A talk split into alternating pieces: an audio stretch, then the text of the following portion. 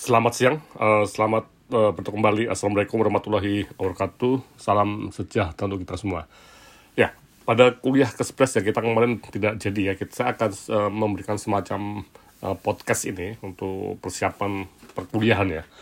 Jadi kalau kita lihat uh, di dalam slide yang saya sampaikan bersama uh, podcast ini, ini ada uh, hal yang kita cermati sejak kita membaca bukunya Sortel and Kalusni, Management Principle for Healthcare, uh, Healthcare Services, kita tahu persis di halaman uh, dua ya, memang uh, tujuan kita untuk memahami organisasi kesehatan sebagai suatu sistem dan para manajer dalamnya.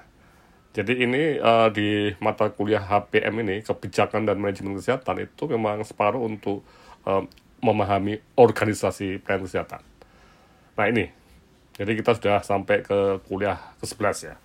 Nah, di dalam tadi itu juga memahami aspek manusia dalam melakukan perencanaan, pengorganisasian, pelaksanaan, dan pengendalian upaya kesehatan. Kemudian memahami berbagai isu dalam pelaksanaan program, dan memahami kebutuhan strategis agar lembaga ya, atau organisasi pelayanan dapat hidup dan berkembang. Nah, ini yang membuat kita bisa lihat dalam konteks uh, jadwal atau bagan yang di halaman 3 di mana uh, organisasi dan manajer itu ada teori organisasi dan manajemen kesehatan yang bab 1 bab 2 dalam bukunya. Kemudian di dalamnya itu ada kemampuan para manajer ya untuk memotivasi dan memimpin orang serta kelompok, kemudian menjalankan sistem teknis, memperbarui organisasi, dan merencanakan masa depan. Nah, kuliah ke-11 dan ke-12 ini itu untuk uh, aspek merencanakan masa depan, yaitu untuk mengolah strategis dan mengantisipasi masa depan. Nah, ini, nah, yang di satu isu kunci. Uh, setelah kita lengkap ini, mempelajari seluruh tadi kemampuan manajer, harapan saya, kami semua, Anda sebagai mahasiswa S2 bisa memahami skop atau jangkauan dari uh, kegiatan pembelajaran mengenai organisasi. Ya, sekarang mari kita lihat pada merencanakan masa depan ya, dalam empat yang kalau kita lihat ada dua chapter, yaitu membuat strategi di healthcare organization. Nah ini, jadi ini ada satu kata kunci ya, perlu kita cermati di halaman 6, yaitu manajemen strategik itu apa ya dan ada berbagai teori mengenai manajemen strategik yang bisa kita uh, lihat ya. Dan teori-teori sekali lagi mengenai organisasi ini ya, ini yang kita lihat sebagai sebuah uh, kata kunci ketika organisasi menggunakan strategic management, berarti mereka berusaha untuk mengembangkan lembaganya ya supaya tidak mundur ya atau stagnan. Jadi berusaha untuk tetap tumbuh berkembang. Nah, itu adalah esensi dari manajemen strategik. Nah, ini kalau dalam konteks uh, organisasi di kesehatan itu memang ada organisasi yang seperti uh, rumah sakit yang tentunya adalah pelaku usaha ya, uh, pelayanan yang bersaing ya. Sehingga waktu uh, tiga hari lalu saya minta untuk mempelajari buku saya yang lama ya mengenai prinsip-prinsip manajemen strategik untuk rumah sakit karena memang itu ada dalam konteks persaingan dan persaingan itu bisa membuat sebuah lembaga itu uh, tumbuh, berkembang atau sebaliknya stagnan dan bahkan bisa mati. Nah, nih. nah ini yang perlu kita uh, cermati. Nah, bagaimana untuk dinas kesehatan? Nah, ini yang jadi isu kunci. Dalam bukunya Sortel itu memang tidak banyak membahas dinas kesehatan sebagai lembaga yang meregulasi ya atau penentu kebijakan. Nah, karena itu memang ada satu pertanyaan apakah layak konsep manajemen strategik itu diterapkan pada uh, dinas kesehatan. Nah, ini yang menjadi satu isu yang perlu kita uh, cermati.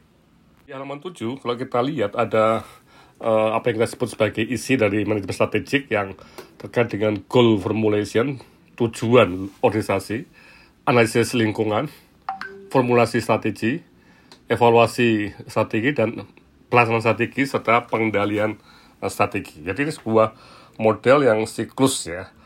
Nah ini uh, di halaman 8 itu memang uh, banyak sekali cara berpikir untuk uh, menyusun renstra ya. Jadi uh, berbagai hal yang perlu kita uh, cermati. Oke. Nah di halaman 9, nah ini yang jadi satu isu kunci tadi. Apa yang disebut sebagai strategi? Ya, ini adalah memposisikan usaha kita untuk meningkatkan ya nilai dari kemauan kita yang membedakan dengan pesaing. Ya.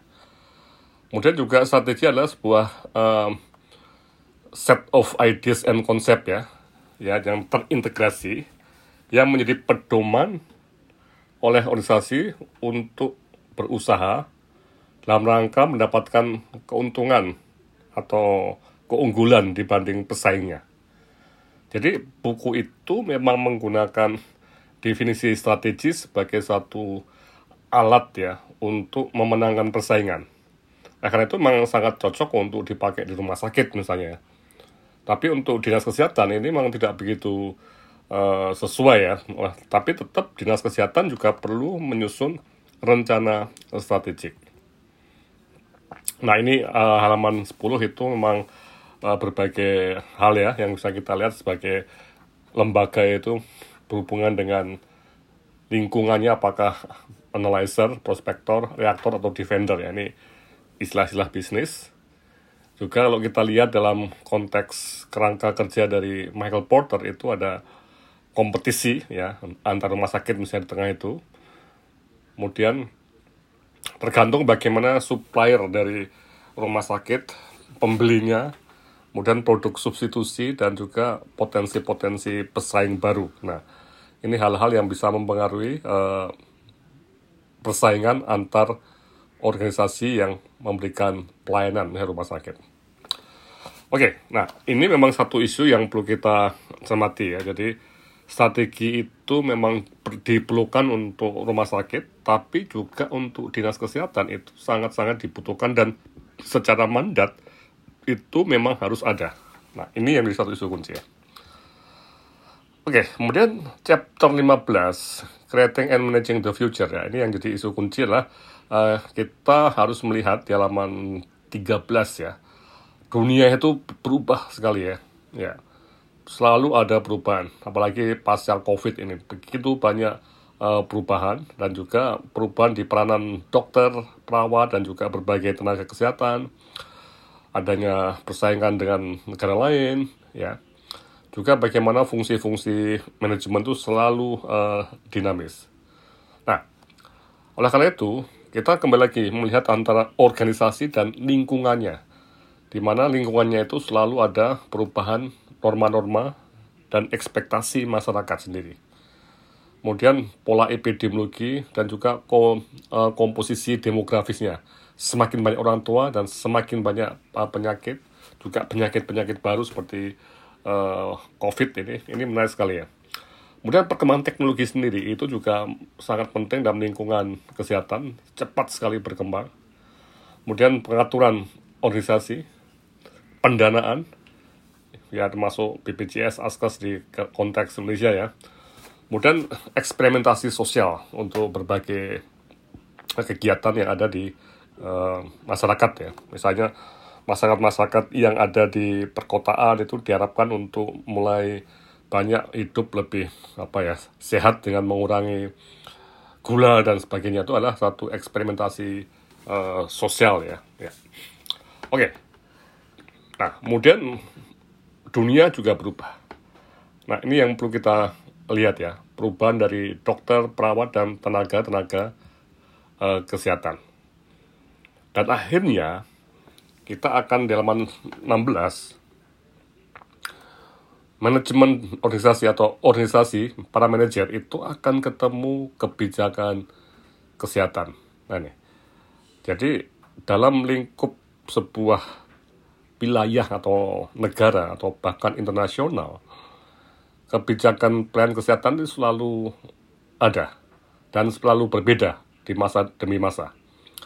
Oleh karena itu memang perlu ada berbagai proyeksi-proyeksi untuk melihat bagaimana kebijakan di masa mendatang. Oleh karena itu uh, sekarang sangat berkembang dan baru saja kita selesai forum nasional ke-12 ya mengenai kebijakan kesehatan itu banyak sekali perkembangan akibat adanya kebijakan transformasi kesehatan. Nah, ini bagaimana dampaknya untuk kita? Nah, itu kita perlu ada suatu peramalan-peramalan yang tentunya perlu untuk kita teliti dan mungkin juga dibantu oleh para peneliti. Oke. Nah, terakhir itu memang uh, peran dari manajer ya untuk melihat tantangan-tantangan dan mempersiapkan manajer di masa mendatang juga. Ada pelatihan-pelatihan ya yang perlu kita lakukan supaya terjadi semacam perkembangan yang lebih baik lagi di masa mendatang dengan manajer-manajer muda yang terlatih. Oke, sekarang ini dulu ya, yang pertama ya. Nanti kita akan sambung tentang bagaimana aplikasinya.